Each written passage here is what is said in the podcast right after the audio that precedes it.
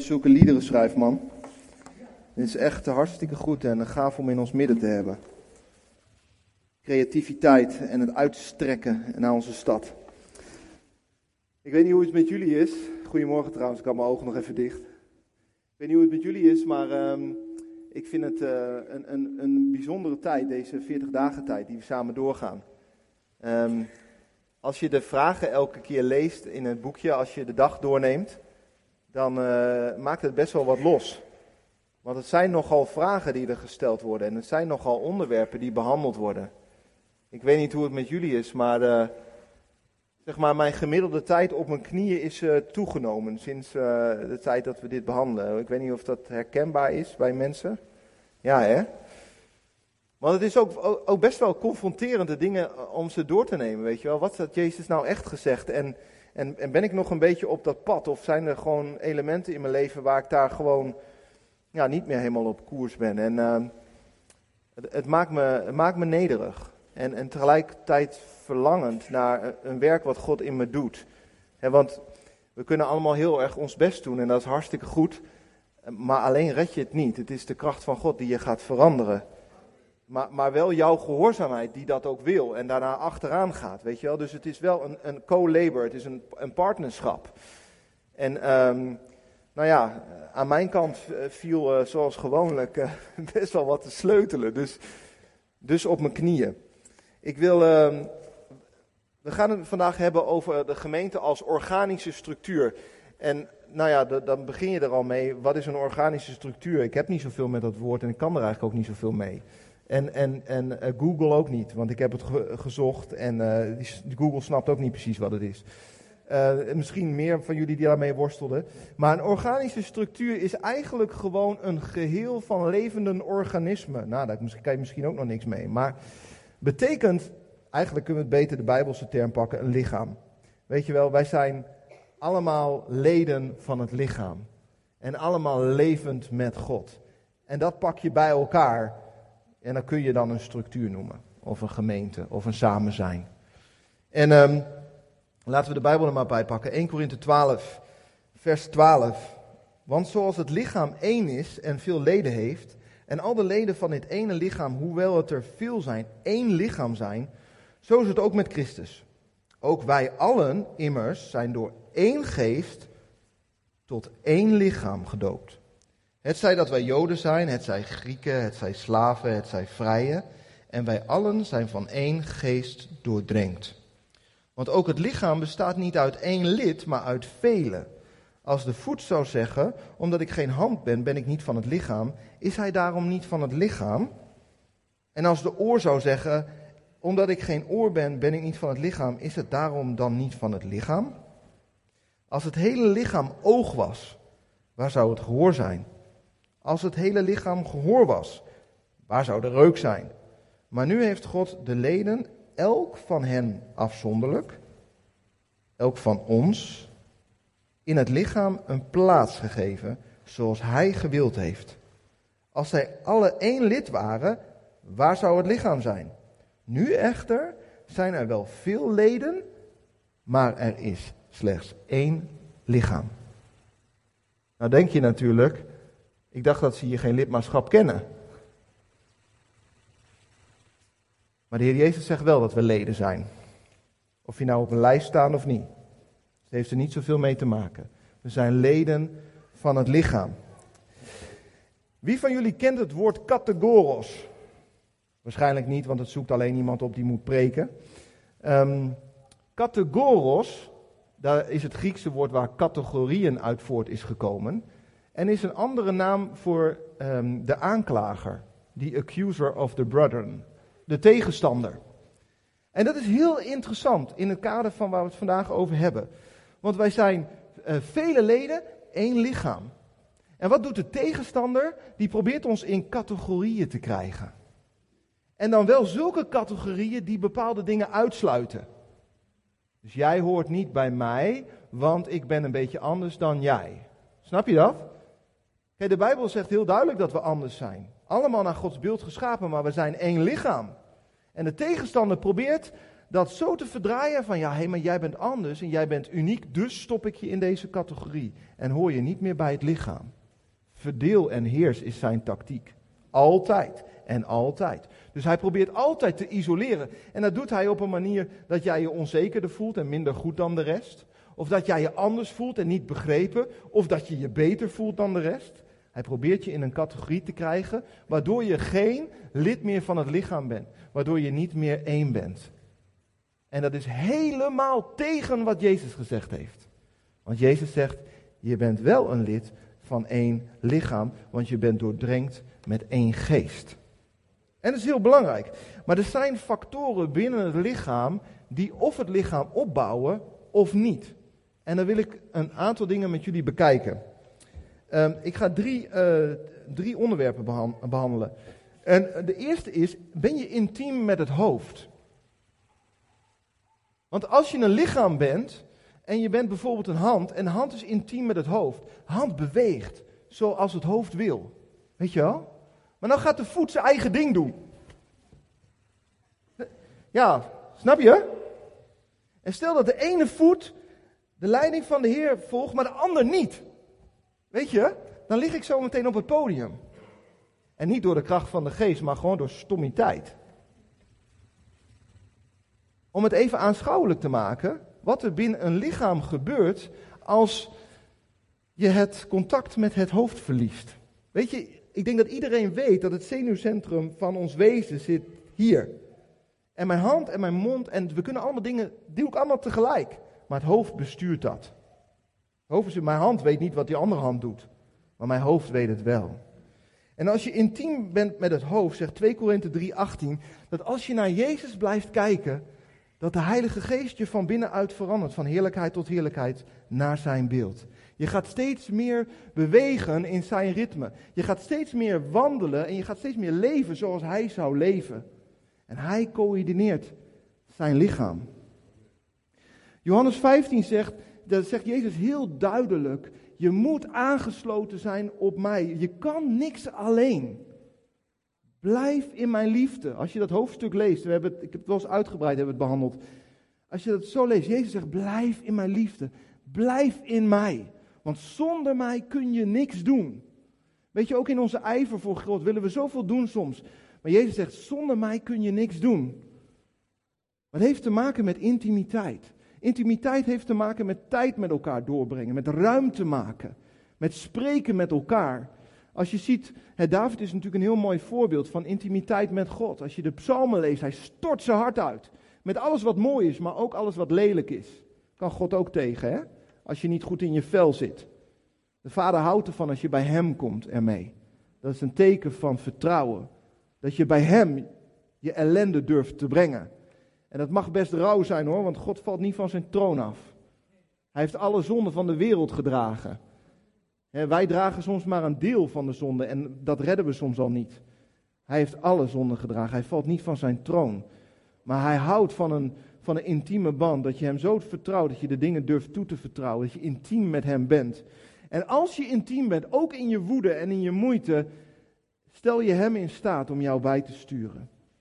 Stel je het hoofd in staat om het lichaam te sturen zoals hij het wil. Intimiteit. Weet je, als we, als we gericht zijn op de Heer Jezus en we zijn intiem met het hoofd, dan zullen de vruchten van de geest, omdat Hij dat vanuit binnenuit bewerkt, zichtbaar gaan worden. Weet je, we zijn niet gericht op de vruchten, we zijn gericht op het hoofd en het levende water, zodat we kunnen groeien, zodat we vrucht kunnen voortbrengen. En dat heeft invloed op het lichaam. Het is bijvoorbeeld heel handig dat jullie allemaal geduld met mij hebben. Dat is heel handig. En ook heel erg noodzakelijk soms. Ja, maar dat geldt ook onderling. En de Heer Jezus weet dat. En dus, als we intiem zijn met de Heer Jezus, als het goed is, want wij hebben allemaal van die karakternukken, als het goed is, gaan we stap voor stap meer op de Heer Jezus lijken. En wij zijn met elkaar als alle leden een lichaam van de Heer hier. En dat gaat het lichaam beïnvloeden. Want als een ieder van ons groeit, dan zullen we bemoedigd zijn door elkaars groei. Want helemaal als wij een tijdje met elkaar optrekken, en velen van jullie zitten hier al een hele tijd, nou ja, dan is het toch niet echt meer een geheim wie welke nukken heeft, of uh, toch? Dat weten we toch wel een beetje van elkaar. Maar het is ook gaaf om te zien dat we groeien. En het versterkt het lichaam dat we groeien onderling. Zeg, hé, hey, wauw, we zijn samen op weg. En ik zie het werk wat God in je doet. Ik heb gezien dat God je in je nekvel heeft gepakt. Ik heb gezien dat God een plan met je begonnen is. En ik zie van jaar tot jaar, zie ik je groeien. Meer naar zijn beeld. Dat is de ene kant. Maar je hebt ook een andere kant. Wat als je het hoofd er nou niet bij hebt? Je je hoofd er niet bij hebt? Als je niet zo intiem bent met het hoofd? Dan verlies je je focus op de Heer Jezus. Toch? Als je, als je geen contact met elkaar hebt, dan, dan verwatert het. Dan leer je elkaar niet kennen. Dan ben je niet echt deel van elkaar. Dan verlies je de intimiteit. En dat kan door allerlei dingen gebeuren. Soms is het je keuze. Soms gebeurt er zoveel in je leven dat je het even allemaal niet meer weet. Maar dan ben je niet meer gericht op het hoofd, op de Heer Jezus. Dan ben je gericht op je omstandigheden of op jezelf. Nou, omstandigheden hebben we natuurlijk allemaal. Dat soms is het zo heftig dat je even je focus op de Heer verliest. Denk wel herkenbaar of niet? Dat je even denkt van hoe zit het toch allemaal? En juist daarin wil ik je vandaag uitdagen om, hoe moeilijk de omstandigheden ook is, als eerste naar Hem toe te rennen. Want als er één antwoord is op je omstandigheden, dan is het Jezus. En ook met wat je allemaal niet snapt. Hè? Dus dat is ook een leugen dat je het allemaal moet snappen en heel vroom moet zijn om bij Hem te komen. En Hij niet kan dealen met jouw ellende waar je mee aankomt, dat kan Hij wel. Hij wil er juist inkomen. Dus ook zo'n leugen van degene die in categorieën stopt, weet je wel? Van ja, als ik bij de Heer kom, dan mag ik altijd met aanbidding komen en zo. Nee, de Heer is ook je vader. Waar je bij hem mag komen met je ellende. Ook met je omstandigheden die te groot en te moeilijk voor jou zijn, maar niet voor hem. Maar als je niet intiem met hem bent, dan heb je zo de kans dat je het zicht op hem verliest en dat je het zicht op de omstandigheden. En ik denk dat iedereen van ons wel weet dat de omstandigheden je vaak hele andere dingen vertellen. Weet je, zo'n omstandigheid als zo'n ongeluk, wat Willem noemt, dat kan je ook gewoon vertellen, ja, waar was God? Waarom kom ik überhaupt in zo'n ongeluk als God er is? Weet je wel? En als de omstandigheid begint te spreken, dan weten we wie daar op een gegeven moment achter gaat zitten. De tegenstander kan allerlei leugens beginnen te spreken en voor je het weet zitten ze in je hoofd en bekrachtig je ze en ga je ernaar leven en ga je niet meer verwachten van de, van de God die jouw vader en jouw redder is. Maar je kan ook met het ongeluk naar God toe gaan. Zeg, Heer, ik was hierin. Heer, ik wil intiem met u zijn, ook in dit. En ik snap niet alles, maar hier is het. Weet je wel? Wat Willem eigenlijk voorleeft. En dan snap je nog steeds niet alles. En dan gebeuren er nog steeds dingen, maar hij is daar wel in. En hij is wel je vader daarin. En hij zal voor altijd je vader zijn. Maar je hebt ook de kans dat je op jezelf gericht gaat zijn. En dat werkt meestal hele irritante dingen uit. Ik weet niet of, hoe, dat, hoe dat bij jullie gaat, maar als ik meer en meer op mezelf gericht word, dan word ik er niet mooier van. En dat is ook echt irritant voor mijn omgeving. Want mensen gaan zich dan aan mij stoten als ik alleen maar op mezelf gericht ben. En dat is niet bevorderlijk voor het lichaam.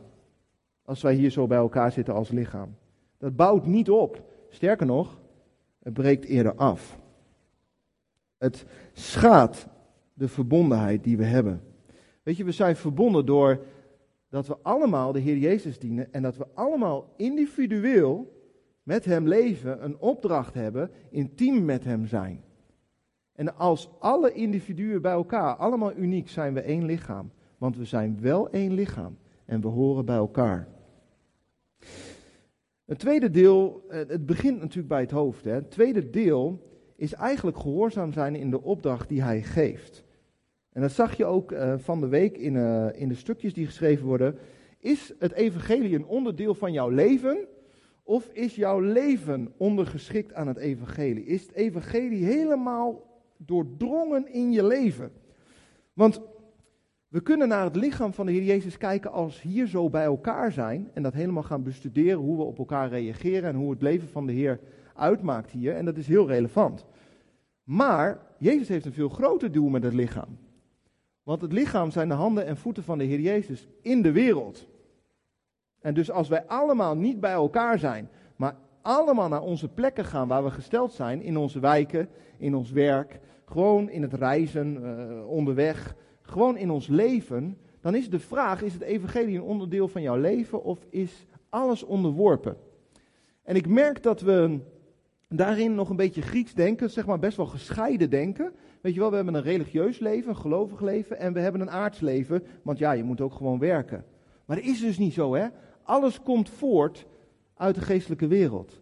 De Heilige Geest woont in jou de hele dag. Het koninkrijk is in jou de hele dag. En niet alleen als Victor een goede riedel speelt, weet je? Maar de hele dag, gewoon op de rauwe werkvloer, gewoon in de fabriek of tijdens een business deal. Hij is daar. Alleen wij moeten hem leren herkennen en wij moeten leren om ons leven helemaal in, in, als werktuig van het evangelie te geven. Het is heel belangrijk voor het lichaam dat we dat gaan doen. Want anders, hebben we niet, anders missen we onze functie. Onze functie is handen en voeten van de Heer te zijn in het dagelijks leven. Op school, tijdens je sport, ehm, in je gesprek met, met mensen. Want het evangelie raakt mensen aan. Het raakt mensen aan. De Heer heeft een doel om mensen aan te raken door jouw leven heen. En het, en het raakt niet alleen mensen, maar ook systemen. Ik bedoel, als het onderwijssysteem helemaal aan de Heer Jezus onderworpen zou zijn, of de media, dan zouden er hele andere dingen op tv zijn of geleerd worden. Systemen moeten ook aan Hem onderworpen worden. Maar dit vergt natuurlijk wel, als we goed handen en voeten eh, van de Heer willen zijn, vergt het wel dat we intiem met het hoofd zijn. Anders kunnen we niet goed bestuurd worden. En um, nou ja, dan ik persoonlijk, vorige week hadden we natuurlijk Erika, die echt geweldig ons opnieuw eventjes op koers zette. Uh, apostolisch. Um, nou, als ik heel eerlijk ben, dan heb ik best wel eens. Wie, kent dat? Als, je, als de Heer je roept om, om wat te gaan getuigen, of, of gewoon meer je geloof uit te leven, dat je van die drempeltjes van binnen voelt. Is je een beetje bekend? Ja, heb ik ook. Zoals iedereen. En um, nou, nou was ik mezelf natuurlijk aan het onderzoeken van, Heer, waar Weet je, natuurlijk leef ik mijn geloof uit, maar je kunt gewoon leven, maar je kunt ook bewust binnen bezig zijn. Maar Heer, wat wilt u doen? Heer, wat wilt u doen? Prikkel me maar. Geef me kansen. Geef me... En de Heer doet dat. Want de Heer heeft ons aangesteld. En wat wij gaan zeggen, weet je, dat gaat Hij bekrachtigen. En ik weet dat het zo werkt. En er zijn momenten in mijn leven dat ik dat deed, maar er zijn ook momenten dat het weer wat naar de achtergrond zakt. Maar er zijn ook momenten dat ik weet dat de Heer me roept, maar, de, in drempels het winnen. Ken je dat? Zo vervelend, vooral als je dat van jezelf inziet. Dat je denkt, oh, ik heb de drempels weer te veel stem gegeven. En als ik, ik merk in mijn leven, als ik de drempels te veel stem geef, dan verdwijnt mijn focus om me uit te strekken. Want in het begin is de Heilige Geest je aan het aansporen. En als ik mijn drempels te veel ruimte geef, dan gaat die aansporing op een gegeven moment weg. Totdat ik weer een nieuw moment van toewijding heb, weet je? En vandaar de, de, de, de kniemomenten, zou ik maar, de knielmomenten. Zo goed om daar weer op gewezen te worden. Natuurlijk leef ik mijn geloof uit. Maar ik kan ook vragen aan de Heilige Geest. Heer, u zegt dat u mensen van zonde overtuigt. Dat is wat u zegt, dat is wat u doet. Heer, deze week, ik bid voor iemand. Dat u hem op mijn pad gaat sturen. En dan heb je je ogen open en de Heilige Geest zegt, dit is, dit is wat ik altijd al wilde doen. En ik heb genoeg situaties meegemaakt dat dat ook echt gebeurde. En ik denk, velen van ons Um, alleen, het vergt wel hoe, hoe we erin zitten. Of we de drempels de stem geven of niet. Of we gehoorzaam zijn. Of we gehoorzaam zijn. En um, als we kijken naar het, uh, het lichaam. Ik wil eerst eventjes naar de opdracht. Matthäus 28. Ga dan heen, onderwijs alle volken, hen dopend in de naam van de Vader, van de Zoon en de Heilige Geest. Hun lerend alles wat ik u geboden heb in acht te nemen. Dat is een opdracht voor elk lid. Het heeft, maakt niet uit wie je bent. Het is een opdracht voor elk lid. Want elk lid is verbonden met het hoofd. En het hoofd wil dit. Dus we moeten dit gewoon gaan doen. En daar gaan we ook de blijdschap van ervaren. Even tussendoor. Um, ehm, 16 tot 18 juni hebben wij op de Battle een weekend met Torben Sondergaard. Even gelist. Ik heb Torben gevraagd om speciaal een team naar Zutphen te sturen. Zodat wij, evangelisten onder ons en als gemeente, uh, onder zijn leiding en het leiding van zijn team Zutphen in kunnen gaan. Bijzondere dingen gezien, vorige keer ook al toen, uh, toen hij er was. En uh, we gaan vanuit de battle naar allerlei plaatsen toe. Dus ik heb nu gezegd, zet een goed team op Zutphen. Uh, zodat onze gemeente daarin ook onderwezen kan worden. Um, ik, ja, ik, ik, wil niet te veel afwijken. Kleine, disclaimer. Um, Tormen, geweldig. Doen wat hij zegt. Want hij, hij zegt Jezus navolgen. Hij heeft hier en daar een aantal kritiekpunten op de gemeente, omdat er in de gemeente een aantal dingen vastgeroest zijn die Jezus eigenlijk niet gezegd heeft. En daar heeft hij gelijk in. En het is ook goed om naar te luisteren. Maar je weet ook dat als een prediker een heilige frustratie heeft, die ook wel eens dat sterk aan kan zetten, laat je daardoor niet uit het veld slaan. Weet je, hij houdt van de gemeente. Maar hij heeft ook het vuur om opnieuw te doen wat Jezus zegt, wat we soms wel een beetje kwijt zijn geraakt. Dus dat is even goed voor jullie om te weten. Goed, terug naar het woord. Als we doen wat Jezus zegt en wij gaan ons leven in het teken van het evangelie stellen, dan krijgen we de uitdagingen, zoals ik net zei. Weet je, je gaat bidden, zeg Heer, maak mij een werktuig deze week. En dat wordt misschien steeds concreter.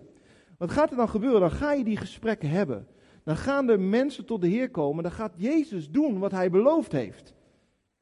Want hij zegt: ga uit.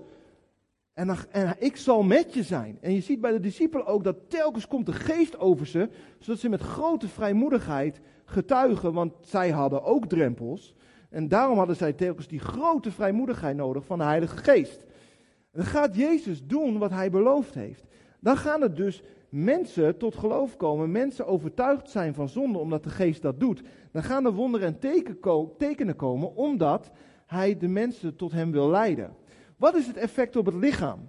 Het lichaam gaat grote blijdschap kennen, omdat het lichaam ziet dat wat Jezus zegt en wat zij geloven niet alleen theorie is, maar ook praktijk. Want wij kunnen het allemaal erover eens zijn, dat zeggen ja, het is goed nieuws. Maar als wij nooit zien dat er iemand dat goede nieuws aanneemt, is dat nieuws dan wel zo goed?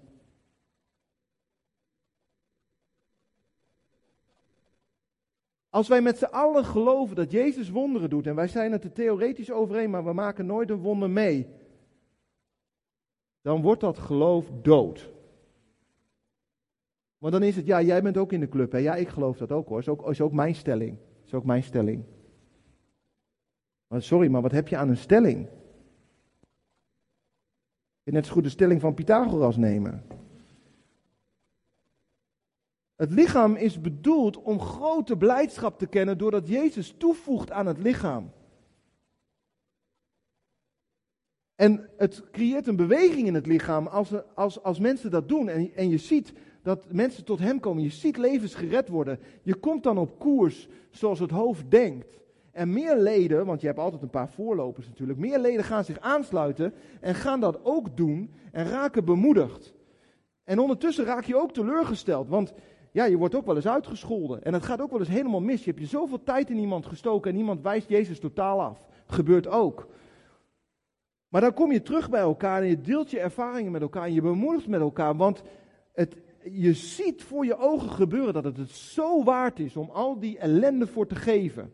Omdat je namelijk levens gered hebt zien worden. En dan denk je, het is het waard. Ook al, ook al lukte het van de week niet, is het waard. Want ik heb die, die en die en die en die heb ik gered zien worden. En het is zo belangrijk. Het is zo belangrijk. Dit is wat de Heer wil doen. Maar wat als dat nou niet gebeurt? Wat als we dat nou niet doen? Want het lichaam was wel bedoeld om de blijdschap te kennen van het geloof, van het goede nieuws. Weet je wat er gaat gebeuren als we dit niet zien? Die blijdschap hebben we nog steeds wel nodig over ons geloof, want niemand wil een theoretisch geloof hebben, daar heb je niks aan. Niemand wil een krachteloos geloof hebben waar je niks van ziet. Weet je wat er gaat gebeuren? We gaan op zoek naar ervaringen van anderen. Om voor onszelf te bewijzen dat ons geloof waar is. We gaan getuigenissen van anderen lezen en horen. En we worden afhankelijk van de ervaring van een ander. Want ja, daar is tenminste leven in. En dan gaan we gezalfden uitnodigen. Want ja, daar is tenminste zalving. Want ja, ik vind het niet zo inspirerend meer. Want ik, ik, mijn, mijn blijdschap is een beetje theoretisch geworden. Want ja, ik leef het eigenlijk niet en ik zie het ook niet gebeuren. En ik hoop dat ik met wat meer mensen om kan gaan die het wel hebben, soort van. En dan gaan we luisteren naar een gezalfde, want die heeft tenminste wel die kracht en die blijdschap die we eigenlijk zelf ook willen hebben. En als we die gezalfde een tijdje gehoord hebben en dat is niet meer zo nieuw en het heeft geen uitwerking in ons leven gehad, dan gaan we naar een andere gezalfde, want die is, die is misschien wel wat frisser en verser en en het lichaam verliest visie. Het lichaam verliest totaal visie. De roep om visie neemt toe. En ja, visie, wie moet dat dan doen? Moet het leiderschap het doen? Ja, dat is daar ook niet alles hier. En die, ik weet ook, die gasten hebben een beetje visie verloren. En um, het is een heel gevaarlijk proces. Want weet je, wie van jullie weet met mij dat als je verbonden bent met het hoofd en doet wat Jezus zegt, je niet zoveel visie nodig hebt? Want dan loop je op de koers en de visie die Jezus heeft. En dan zie je de resultaten die hij voor je bedacht heeft. En natuurlijk heb je dan ook nog wel een beetje coördinatie nog, maar de hoofdvisie heb je al te pakken, toch?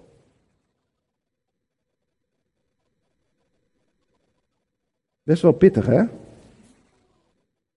Maar ik denk dat dit proces van de 40 dagen bedoeld is om onszelf eerlijk aan te kijken. Want ik zeg dit niet tegen jullie, ik zeg dit tegen mezelf en tegen jullie. Want wij, wij zijn het lichaam. Wij zijn het lichaam. We zijn verbonden door opdracht, missie, het delen van blijdschap en het delen van teleurstellingen. We zijn als eerste verbonden door het hoofd en als tweede verbonden door een opdracht die Hij ons geeft. Ik wil het wel even een beetje nuanceren. Want het is helemaal waar wat ik zei. En het is een gevaarlijk traject. Maar het is ook nodig dat wij bedieningen en zalving binnen onze gemeente hebben. Immers, Paulus leert heel duidelijk dat aan de gemeente bedieningen gegeven zou zijn. Apostelen, profeten, het hele rijtje. Om de gemeente op te bouwen tot dienstbetoon. Dus dat is nodig. En als er een apostel is en als er iemand is met een grote zalving op zijn leven, ga ervoor. Maar het moet gaan leiden tot dienstbetoon. Want diegene die, die dient jou en die rust jou toe om beter te kunnen gaan doen wat de Heer je heeft opgedragen. Maar als het daar niet toe leidt, loop je het gevaar telkens zijn of haar leven nodig te hebben. En dat is niet wat God voor je heeft. Dat is niet wat God voor je heeft. Natuurlijk mogen de, deze mensen voorbeelden voor ons zijn, omdat ze verder zijn. Dat is helemaal oké. Maar het moet dit tot gevolg hebben. Als derde punt wat ik met jullie wil, eh, wil behandelen is, neem je deel aan het gezin. Neem je deel aan het gezin. Want de Heer maakt ons een lichaam wat uitgaat in de wereld, maar wat ook hier samenkomt en verbonden is. En het is belangrijk om gezin te zijn. Een gezin ben je door samen op te trekken, door te ontmoeten, door elkaar te spreken, samen te vieren, samen te klieren, samen te lachen, samen te huilen, samen te botsen en samen weer goed te maken. Zo gaat het tenminste bij ons thuis. Toch? Ja, we scherpen aan elkaar, we schaven aan elkaar doordat we rottigheid uithalen en het weer goed maken. Doordat we lachen of even iets te ver gaan en gecorrigeerd worden. Doordat we samen zijn. We zijn een gezin. We zijn leden van elkaar. Wij horen bij elkaar. En dat is belangrijk voor mij. Dat is belangrijk voor ons. Het eerste belangrijke is hierbij contact. Als je geen contact hebt, geen omgang hebt, hoe kun je dan gezin zijn? Dat gaat niet lukken. Daarom zegt Paulus ook: verzuim je samenkomsten niet. Want Paulus weet dat als je niet samenkomt, je niet bouwt. Heel simpel. sommige mensen vinden het lastig als dat gezegd wordt omdat het ook wel eens met het vingertje zo is gezegd. Maar de Heer bedoelt gewoon dat het goed is om samen te zijn. Zodat je elkaar leert kennen. En ook echt een gezin kan zijn. En dat kan in de grote samenkomst zoals we hier zijn. Maar nou ja, iedereen is misschien kent elkaar, druk en je kan er nog wel eens tussendoor glippen. Nou, dat kan natuurlijk ook in een leefgroep, is ook belangrijk. Want een tweede punt is, je kunt samen zijn, samen ontmoeten. Maar ten tweede is nog een, een relatie opbouwen. Dat is nog wat anders. Hè? We kunnen ontmoeten en elkaar vluchtig spreken. Maar je hebt het ook wel nodig om wat dieper te gaan, van hart tot hart. De Bijbel zegt dat uit je hart de oorsprongen van het leven zijn. Dus alle dingen die je hebt meegemaakt, alle dingen die jou bewegen, bevinden plaats in je hart. Daarom is van hart tot hart met elkaar spreken ook zo mooi en zo bijzonder. En dat kun je niet met iedereen, want het vergt ook een bepaald vertrouwen. Maar het is wel nodig voor iedereen. Want al die dingen die bij jou in je hart gebeuren, alle twijfels, weet je wel, denk maar niet dat je de enige bent. Maar als je het begint te uiten, dan spreek je met elkaar, dan spreek je van hart tot hart. En dan kijken we ook niet zo meer naar elkaar, naar de buitenkant. Daar komt de tegenstander altijd tussen. Hè? Die praat je in een categorie. Oh, die heeft het wel voor elkaar. Oh, die heeft het ook niet voor elkaar. En je zit zo snel in een categorie. Terwijl als je van hart tot hart leert spreken, dan ontdek je dat je allebei mensen bent met worstelingen en allebei de Heer wil volgen. Maar het ook niet altijd lukt. En je ook wel eens struikelt. En dan word je aaneengesmeed. En dat is wat Jezus bedoelt met een lichaam. Dat wij aaneengesmeed worden. Weet je, echt gekend worden vergt contact van hart tot hart. Mensen van om je heen die van je gaan houden en je echt kennen. Maar geef je ze ook toestemming om moeilijke dingen tegen je te zeggen? Dat is wel spannend, maar het zal je zegenen en het zal je ook beschermen. Je kunt je ook onttrekken aan deze verbondenheid. Dat kan. Dat is een vrije keus. En soms is dat makkelijker, want het kost je geen tijd. En er wordt ook niet veel van je gevraagd. En je hoeft je ook niet aan te passen. Je wordt ook niet geconfronteerd met de onhebbelijkheden van de anderen.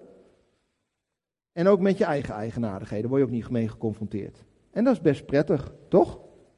Best fijn. En het is ook heel erg westers, heel erg Nederlands. Weet je, ik respecteer jou, jij respecteert mij. Met andere woorden, bemoei je vooral niet met mij, want daar heb ik geen zin in. En dit is echt een, een tactiek van de tegenstander, want het leidt tot totale eenzaamheid. Mensen zijn niet meer gekend, mensen worden niet meer geschaafd, mensen, mensen veranderen niet. Weet je, je zou kunnen zeggen, je onttrek je eraan, ik word niet geconfronteerd met jouw sores, jij doet geen aanspraak op mijn sores, ik kan lekker mezelf zijn. Nou, dat is geweldig, maar je blijft helemaal alleen over. Hartstikke eenzaam, helemaal niet te pruimen, omdat je karakter helemaal niet geschaafd is. Alle onhebbelijkheden die je had, blijven ook gewoon. En dat is niet wat Jezus ons voor bedoeld heeft. Echt niet. En dat gebeurt dus juist binnen een gezin, hè? Die onhebbelijkheden komen naar boven, want je kunt ze gewoon niet verborgen houden.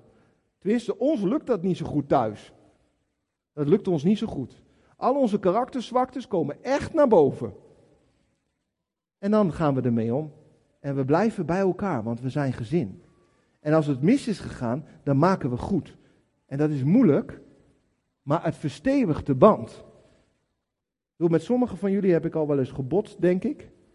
Maar wat verstevigt de band als we bij elkaar terugkomen en zeggen: Weet je, dit wat ik zei, dat bedoelde ik niet zo. En dat heeft je misschien geraakt.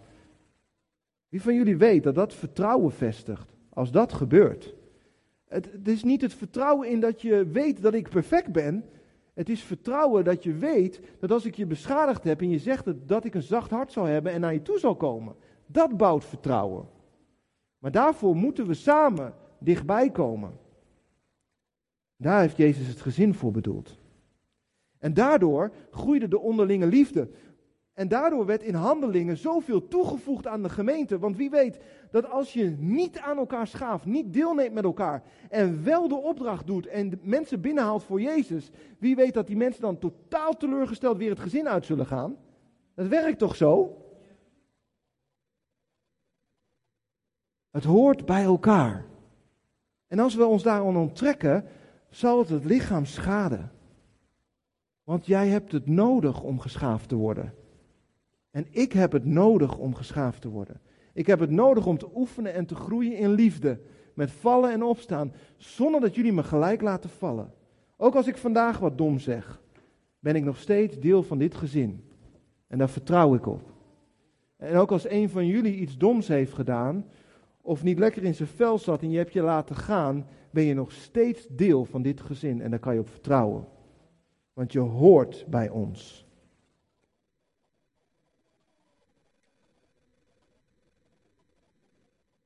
Heeft effect op de verbondenheid.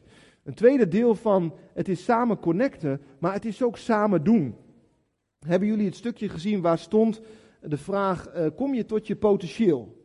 Is er ruimte voor je? Word je gecoacht? Word je bemoedigd? Dat is een van de eerste dagen van deze week. Samen doen is dé plek om je potentieel te ontdekken. Immers, als je alleen geweldig goed ergens in zou zijn, hoe weet je dat je goed bent? Anderen zeggen vaak, hey, dat is iets wat je goed kan, moet je doen. Dan word je bemoedigd. Alleen, je gaat nooit tot je potentieel komen als je op de bank blijft zitten. Je moet iets gaan doen om tot je potentieel te komen. Je moet gaan dienen.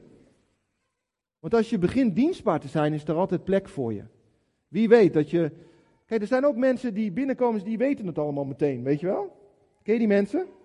Die weten alles meteen, je hoeft je niks uit te leggen, die weten alles meteen. Ja, wie, wie weet dat die mensen altijd iets minder te pruimen zijn, zeg maar. Ja.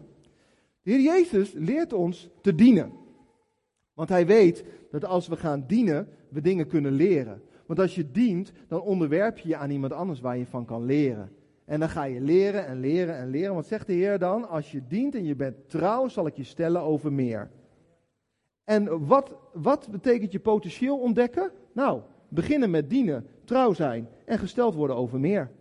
Zo ga je je potentieel ontdekken. Maar als je je daaraan onttrekt en je doet niet mee, dan ga je dat niet ontdekken.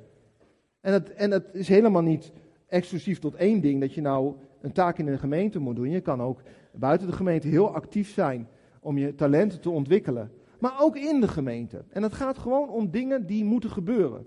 De Heer Jezus gaf het voorbeeld met zijn discipelen. Ze gingen de paasmaaltijd doen en er was niemand om de voeten te wassen. Dan zegt Jezus, ga ik de voeten wassen. En Jezus zegt, als je wil groeien en je wil voornaam zijn, is goed streven trouwens, hè. Begin dan met dienen. Ik geef je nu het voorbeeld. Weet je, als je samen wil komen als gemeente, dan moet je stoelen hebben, moet klaargezet worden, moet gewoon gebeuren. Weet je wel? Begin je met dienen. Het voordeel van beginnen met dienen is deel zijn van een team. Deel zijn van een team geeft een sense of belonging. Ik hoor erbij. Ik hoor bij dit team. Maar geeft ook een sense of ownership. Ownership betekent ik ben mede-eigenaar. Hier zit een stukje van mij in. Ik heb gisteren met de kinderen onze oude caravan een beetje opgeknapt. Ik weet zeker uh, dat als we volgende keer komen, dat ze zeggen: hé, hey, pap, ik, ik had die hecht toch gaaf gesnoeid, hè? Zit een stukje van je in. Wat jij hebt daarvoor gegeven. Er zit een stukje van jou in. Hé, hey, dit is mijn man, dit is mijn ding, heb ik gemaakt. Dit is mijn gemeente. Ben ik trots op. Want ik ben deel van die gemeente. Ik bouw mee aan die gemeente. Is belangrijk, is Gods huis in deze plek. Ik hoop dat veel mensen gaan komen. Maar je kunt je daar ook helemaal aan onttrekken. Dan stopt de groei van de gemeente. Er zijn er alleen maar tekorten. Stopt jouw groei ook, want je ontwikkelt je niet. Word je niet geschaafd. Voel je niet deel ergens van. Bouw je niet mee, terwijl God je wel heeft bedoeld om verantwoordelijkheid te dragen. En het schaadt de verbondenheid in de, in de gemeente. Weet je, je zou kunnen zeggen, als, wie heeft hier tieners? Tieners? Toen ik tiener was, begon ik natuurlijk um, uh, mijn leven buiten de deur te ontwikkelen. En uh, dat werd steeds meer. En op een gegeven moment zei mijn moeder: Ja, het is hier geen hotel. Je komt hier alleen nog maar eten, slapen en je zooi in de was gooien. En natuurlijk is dat heel gezond, hè, dat tieners hun eigen leven gaan ontwikkelen. Maar zo is het soms ook met de gemeente. Er zijn er mensen die alleen maar komen eten en hun vuile was komen brengen. En voor de rest zijn ze geen deel van het gezin. Nou, wie weet dat het op lange termijn natuurlijk niet gaat werken. Kijk, een tiener die het huis uitgaat is nog steeds deel van het gezin. Daar gaat de vergelijking niet op. Maar je weet dat het zo gaaf is als ieder binnen het huisgezin zijn taak heeft, ook thuis. Dat geeft aan dat je deel bent van het gezin. Daar krijg je ook niet allemaal voor betaald of zo thuis. Als iemand de afwas doet van de kinderen, dan krijg je niet voor betaald. Nee, dat, dat doe je gewoon omdat je bij dit huis hoort. Want dit huis is van ons. Jij bent deel van dit huis omdat je mijn kind bent, maar je bent ook deel van dit huis omdat je mee mag doen. Je bent belangrijk en dus heb je ook een taak en verantwoordelijkheid. Zo goed als we zo leren bouwen, ook in de gemeente. Je krijgt ownership, sense of belonging. Je hoort erbij. En mijn wens en mijn verlangen is dat dit een huis is en blijft waar mensen erbij horen. Erbij horen omdat er onderlinge liefde is. Erbij horen omdat ze zich betrokken voelen. Erbij horen omdat ze ervoor kiezen om betrokken te zijn. Erbij horen omdat we samen achter Jezus aan zijn. Omdat we samen verbonden zijn met het hoofd. Een organische structuur whatever that may mean. Een lichaam wat verbonden is met elkaar. Ik sluit af met Johannes 17. De Heer Jezus was zo verlangend dat wij één zouden zijn. In het hoge priestelijk gebed wijdt hij daar zoveel woorden aan.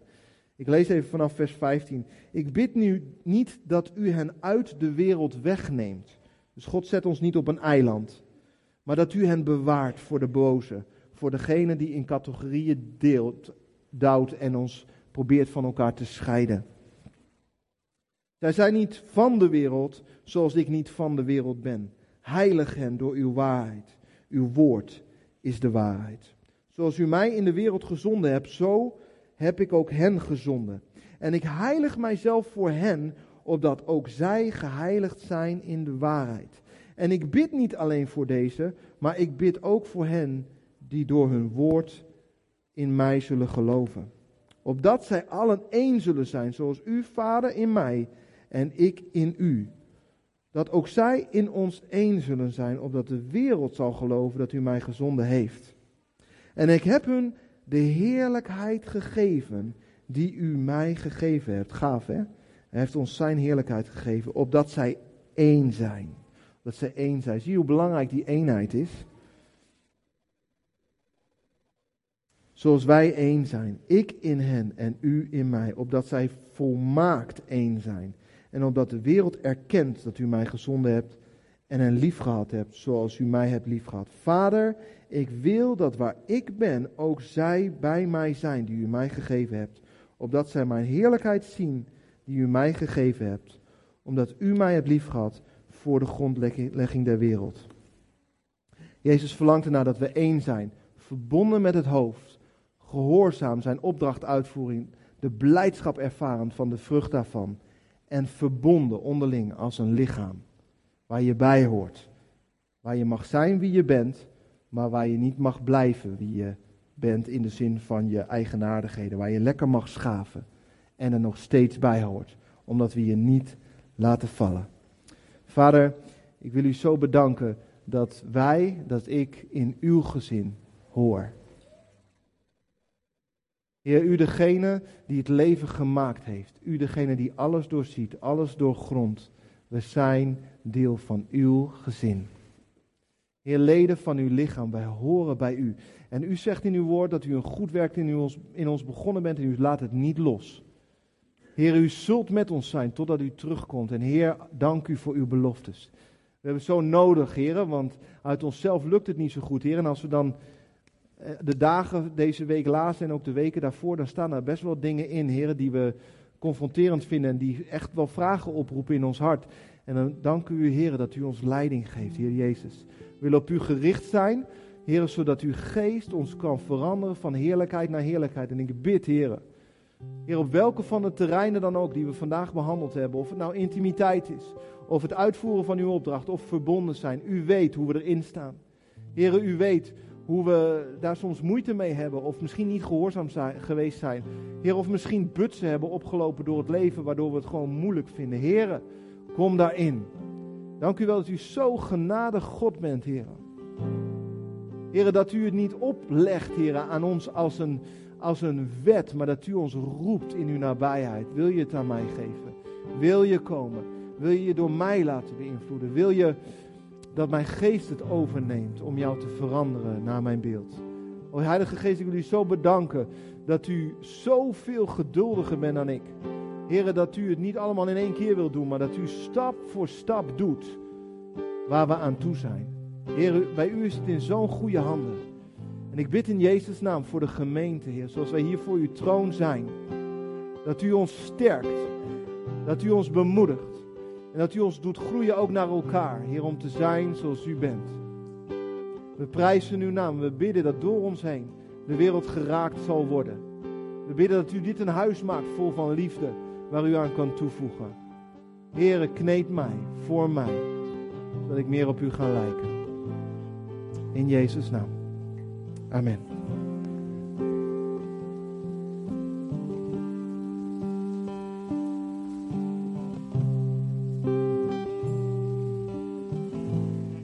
Ja, hij doet het. Oké. Okay. Dankjewel. Ik heb een hele hoop uh, zinnige dingen gehoord uh, deze morgen. Hartstikke mooi.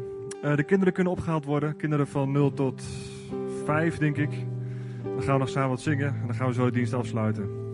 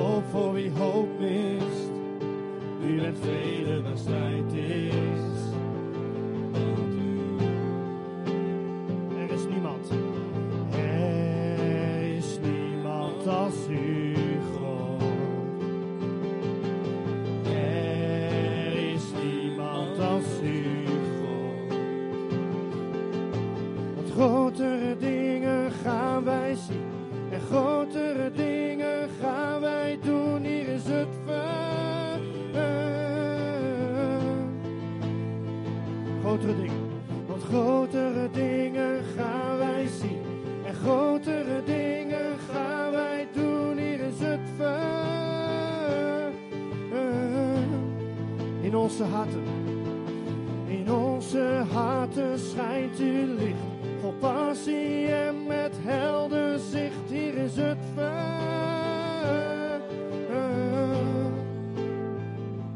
Bent keer van de schepping. U de schepper van alles. U bent Heer alle heren. U bent kracht in de zwakheid. U bent liefde voor elk hart. U bent vreugde in droefheid. Bent u. Er is niemand als u.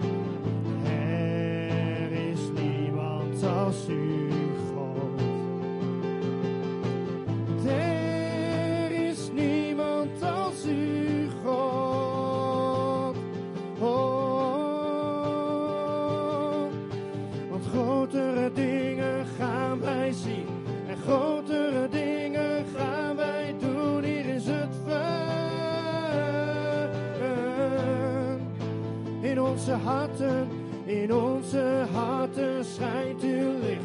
Vol passie en met helder zicht. Hier is het vuur. Grotere dingen, want grotere dingen gaan wij zien. En grotere dingen gaan wij doen. Hier is het. In onze harten, in onze harten schijnt uw licht. Vol passie en met helder zicht. Hier is het vuur.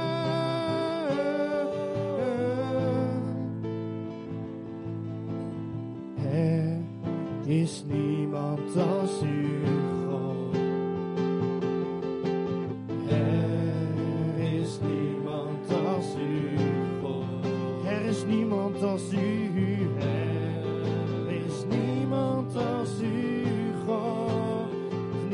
Niemand is als u.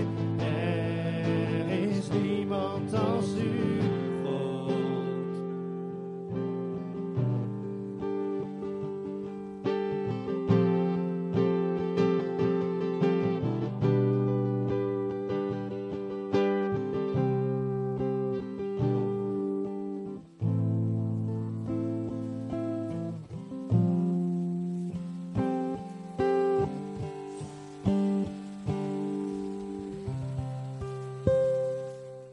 Ja, hij doet het. Oké, lieve mensen. We zijn aan het einde gekomen van, eh, van deze dienst. En eh, de kindjes komen alweer binnen ondertussen. Zullen we de dienst eh, samen staand afsluiten en gaan bidden. Ik zal ook gaan bidden voor, voor Mind, die natuurlijk nog steeds ziek is. Het is ook goed om daaraan te denken in de loop van de week. Voor andere zieken in onze gemeente. En denk ook eventjes aan de boekentafel nogmaals voor de vonk. En een hele goede week gewenst. Maar eerst gaan we nog even danken. Vader in de hemel, dank u wel dat u onze God bent. Dank u wel dat u een God bent van leven en vrede en liefde en blijdschap. Heer, dat u onze gemeente eh, laat groeien en dat u onze gemeente zegent, dat u ons persoonlijk kent, Heer. En bid ook met name voor, uh, voor mij en Maria, Vader, die ook ziek is, Heer. Wilt u hem genezing geven, wilt u hem ook kracht geven, tot die tijd. Het gezin ook zegenen. Dank u wel voor wat u in ons leven doet, Heer.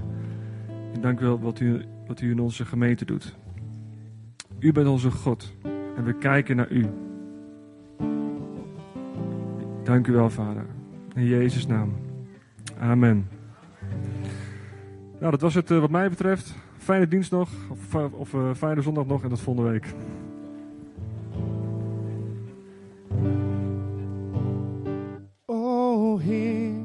Met kracht.